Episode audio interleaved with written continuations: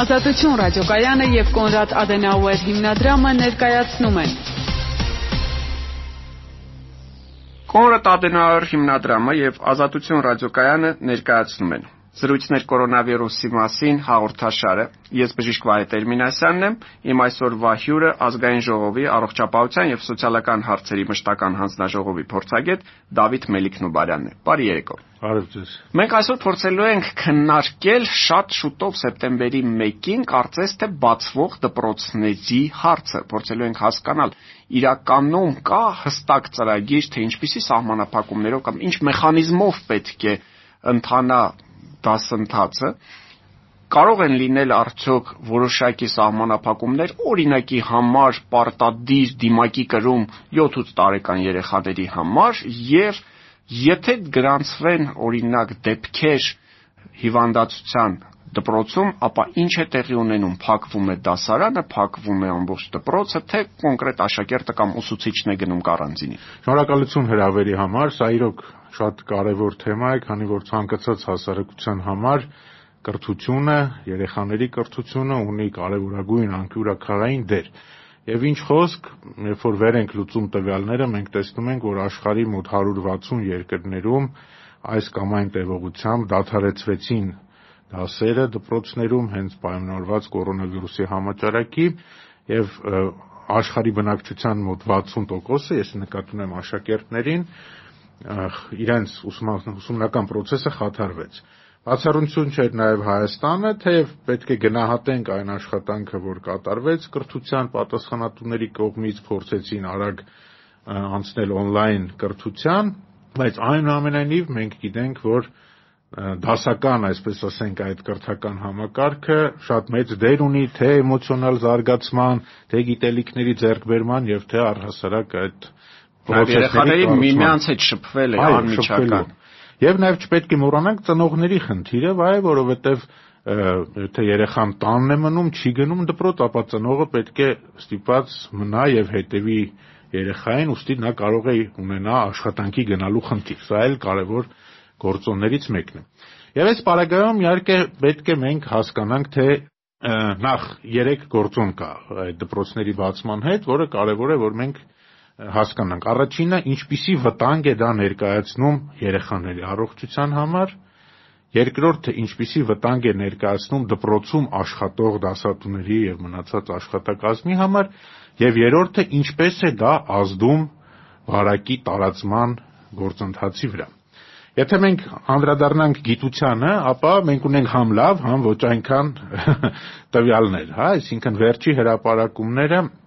վկայում են, օրինակ հետազոտություններ էին արել Ավստրալիայում, հետազոտություններ էին արվել Իռլանդիայում եւ ողրզել էին, որ դպրոցականների շրջանում վարակի տարածման գործակիցը չնչին է, այսինքն խոսքը գնում էր ընդհանրապես եզակի դեպքերի մասին եւ որևէ երկրորդային վարակի դեպք չէր արձանագրվել։ Բայց մենք որոշակի զգուշությամբ պետք է մեկնաբանենք։ Դպրոցական ասելով ինչ նկատի ունենք բոլոր դպրոցական տարիքի երեխաները, թե ասենք կրտսեր դպրոցական տարիքը կամ բարձր, չէ՞ որ այստեղ արդեն բավականին տարբեր կարող է լինել։ Այո, շատ կոնկրետ այս հետազոտությունը որ մեջ բերեցի բոլորին բայց միտքս ավարտնեմ որ ավստրալիան եւ իռլանդիան այն երկրների շարքում չեն որոնք ամենաշատն էին դուժե կորոնավիրուսից ավելի ուշ ֆրանսիայի հյուսիսում արդեն համեմատաբար ավելի թարմ հետազոտություն է հետազոտությունը վկայում է որ Ֆրանսիան մենք գիտենք բավականին շատ էր դուժել, այլ այլ պատկեր ունենք այդ ձեր ասած շատ լավ հարց էր 14-ից 18 տարեկան դպրոցականների մոտ վարակի տարածվածության գործակիցը եղել էր 38%։ Դասատուների շրջանում 49, բայց այս ամեն ինչի հետ մեկտեղ ծնողների շրջանում ընդամենը 10, այսինքն մենք հասկանում ենք, որ վարակի օջախ եղել է հիմնականում դպրոցը որ ծնողներից չեն ոչ ծնողից է երեխան վարակվել, այլ երեխան երեխան մեկը մյուսից են վարակվել դպրոցում։ Իսրայելում ավելի ճիշտ ուսուցիչից են պատմել վարակվել։ Այո, այո, եւ այդ նման մարդիկ կոչվում են այդ սուպեր տարածողներ։ Մենք խոսանք դեռ դրա մասին, եթե ժամանակ լինի, եւ Իսրայելում այդ մարտի վերջից հետո, երբ իրենք դպրոցները բացեցին, արձանագրվեց դեպքերի բավականին մեծ աճ, ինչը կապում են նաև այդ որոշման հետ դպրոցների բացման։ Բայց ունենք նաև լավ նորություններ, ինչպես ես ասեցի։ Այդ ամենավերջի հետազոտությունները ցույց են տալիս, որ կրտսեր տարիքի խմբում ընդամենը 5% է տարածվածությունը եւ ելի երկրորդային, այսինքն ընդամենը սա արվել է Կորեայում այս հետազոտությունը, իրանք ուսումնասիրել են կոնտակտավորներին եւ ահռելի մեծ հետազոտություն է արվել 60000 կոնտակտավոր եւ տեսել են, որ այդ ինդեքս դեպքը մինչև 10 տարեկան երեխաներում ընդամենը եղել է 5%, բայց արդեն 10-ից 18 եղել է 19%։ Այսինքն աստեղից ենթադրություն կարելի անել, որ փոքր տարիքային խմբերի համար դպրոցների բացվելը ավելի անվտանգ է։ Ավելի անվտանգ է, քան մեծ։ Այդ նույն սկզբունքով կարող ենք արդյոք արձանագրել, որ Հայաստանում արդեն մի քանի ամիս գործող մանկապարտեզները անվտանգ են համեմատաբար։ Ունենք արդյոք մենք մանկապարտեզներում որևէ վիճակագրություն, եղել են դեպքեր, արդյոք դրանք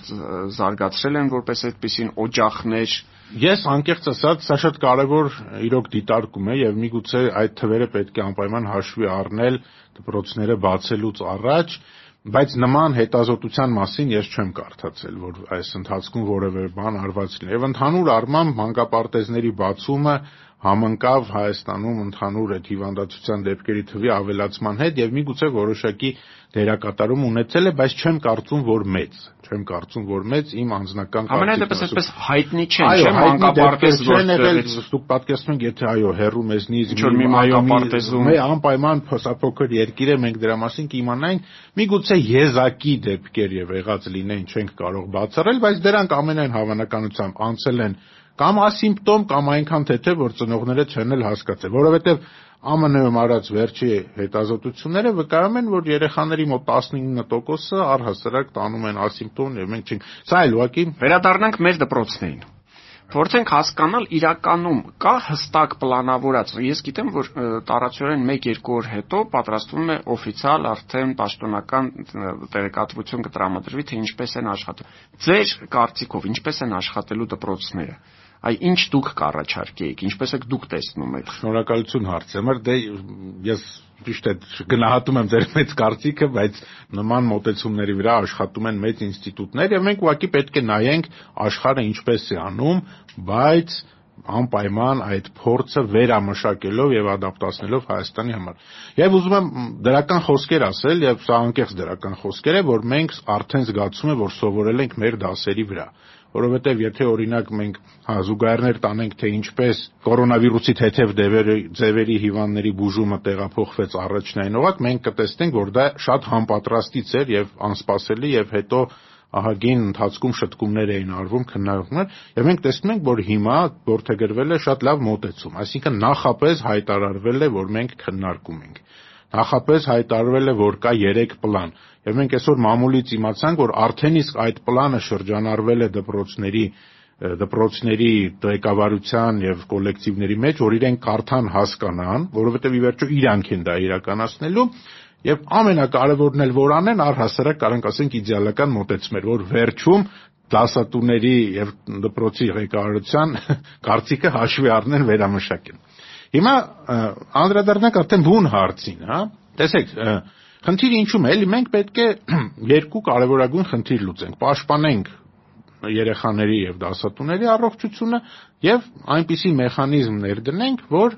չտարածվի վարակը։ Եվ այդ ամբողջ ուղեցույցները, որ ասենք կան եւ շատ երկրներ դա ունեն, ուղղված են դրան։ Ամենակարևոր խնդիրներից է այստեղ, որ այդ սկսած երեխայի ներս մտնելու պահից մինչև երեխայի դպրոցից դուրս գալը տուն գնալը բոլոր բիզնես process-ները մանրամասն ուսումնասիրվեին։ Հա, այսինքն, ո՞րն է։ Ամեն այն ինչ որ հայտնի է, հեծանիվ հորինելու բան ստեղ չկա։ Սոցիալական հերավորություն պահպանել։ Արդյոք հնարավոր է դա անել դասարան։ Դուք դա հնարավոր եք համարում։ 40 հոկանոց դասարանում պահել սոցիալական հերավորություն։ Հոյակապ դիտարկում էր։ Այո,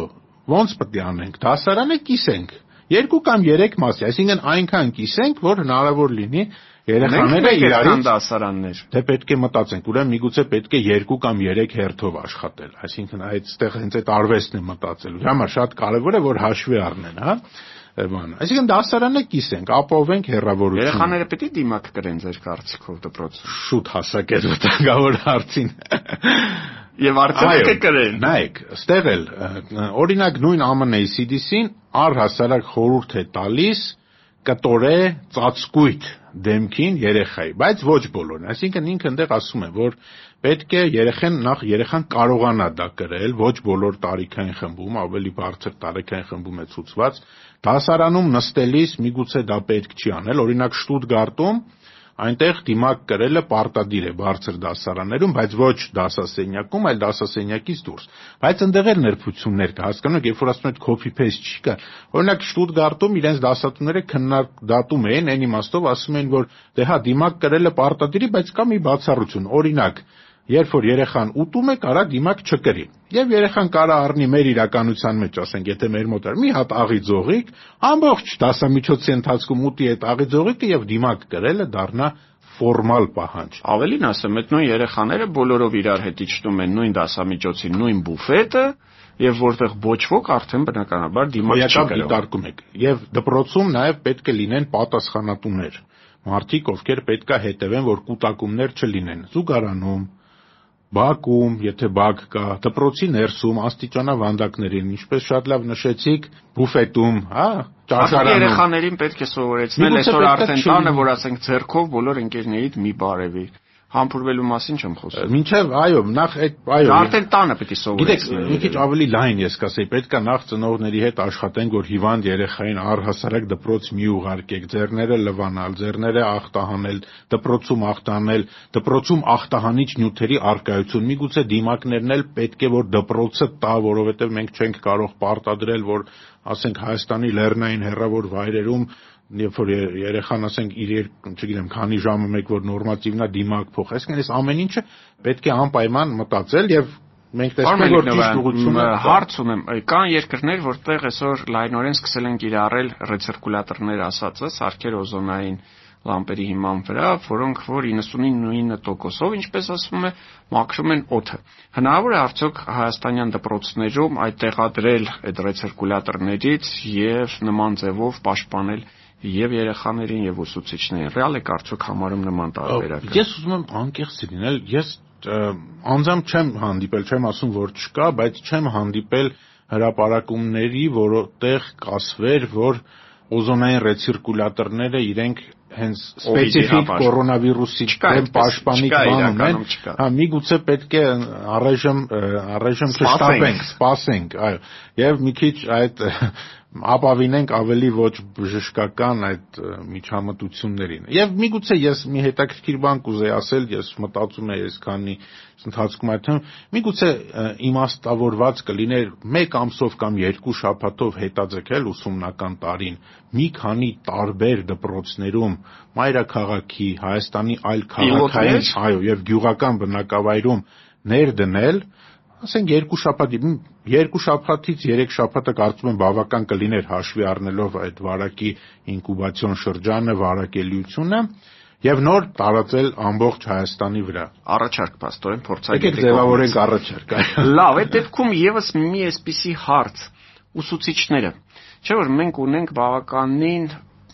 ոչ երիտասարդ ուսուցիչներ, հրաշալի մասնագետ է, բայց դա 50 անց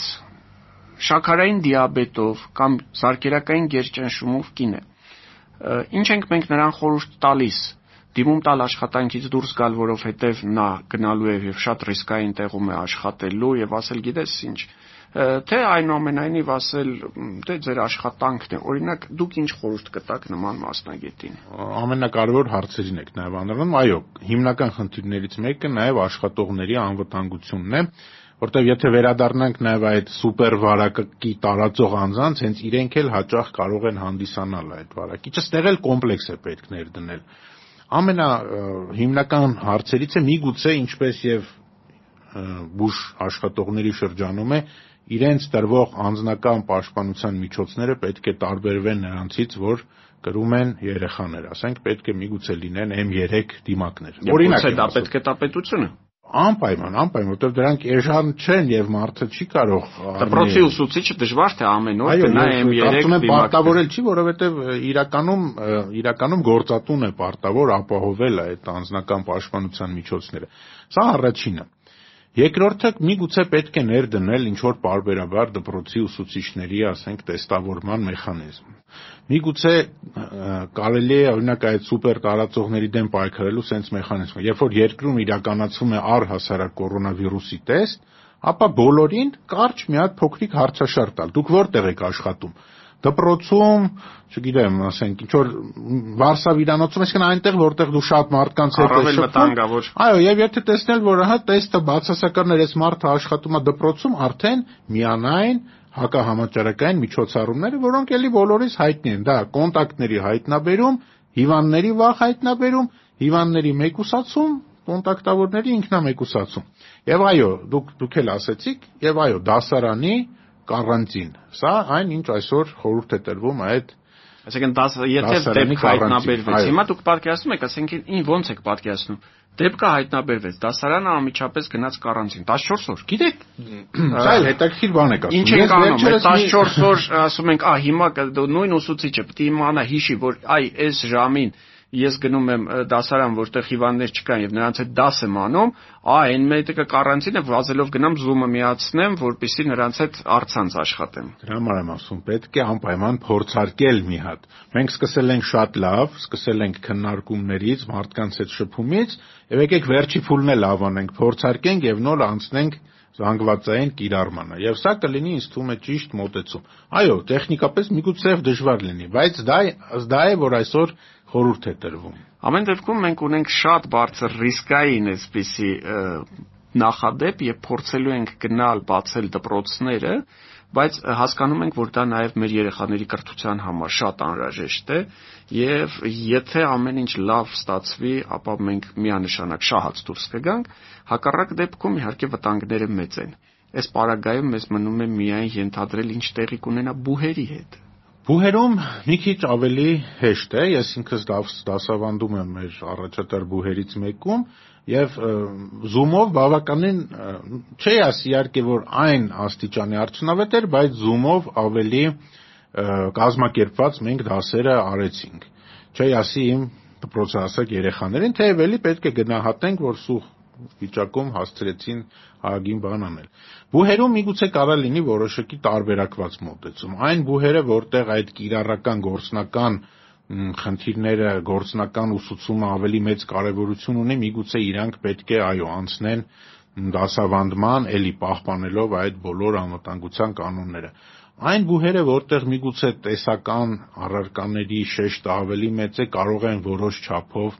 պահպանել, հա, այդ on-line կամ հիբրիդային ուսուցումը։ Սա քննարկելու հարց է։ Ամեն դեպքում մենք այդ ամեն ինչի մասին կիմանանք մոտակա օրերս, կա արդեն նախապատրաստող տարբերակներ եւ սեպտեմբերի 1-ից մենք կտեսնենք թե ինչպես է դա աշխատում։ Հիշեցնեմ հարգելի բարեկամներ, որ սա Կոնրադ Ադենոյար հիմնադրամի եւ Ազատություն ռադիոկայանի համատեղ ծրագիրն է։ Զրույցներ կորոնավիրուսի մասին Իմ հյուրը այսօր ազգային ժողովի առողջապահության եւ սոցիալական հարցերի մշտական հանձնաժողովի փորձագետ Դավիթ Մելիք Նուբարյանն էր, ձեզ հետ բժիշկ Վահե Տերմինասյանն էր։ Կհանդիպենք մեկ շաբաթից։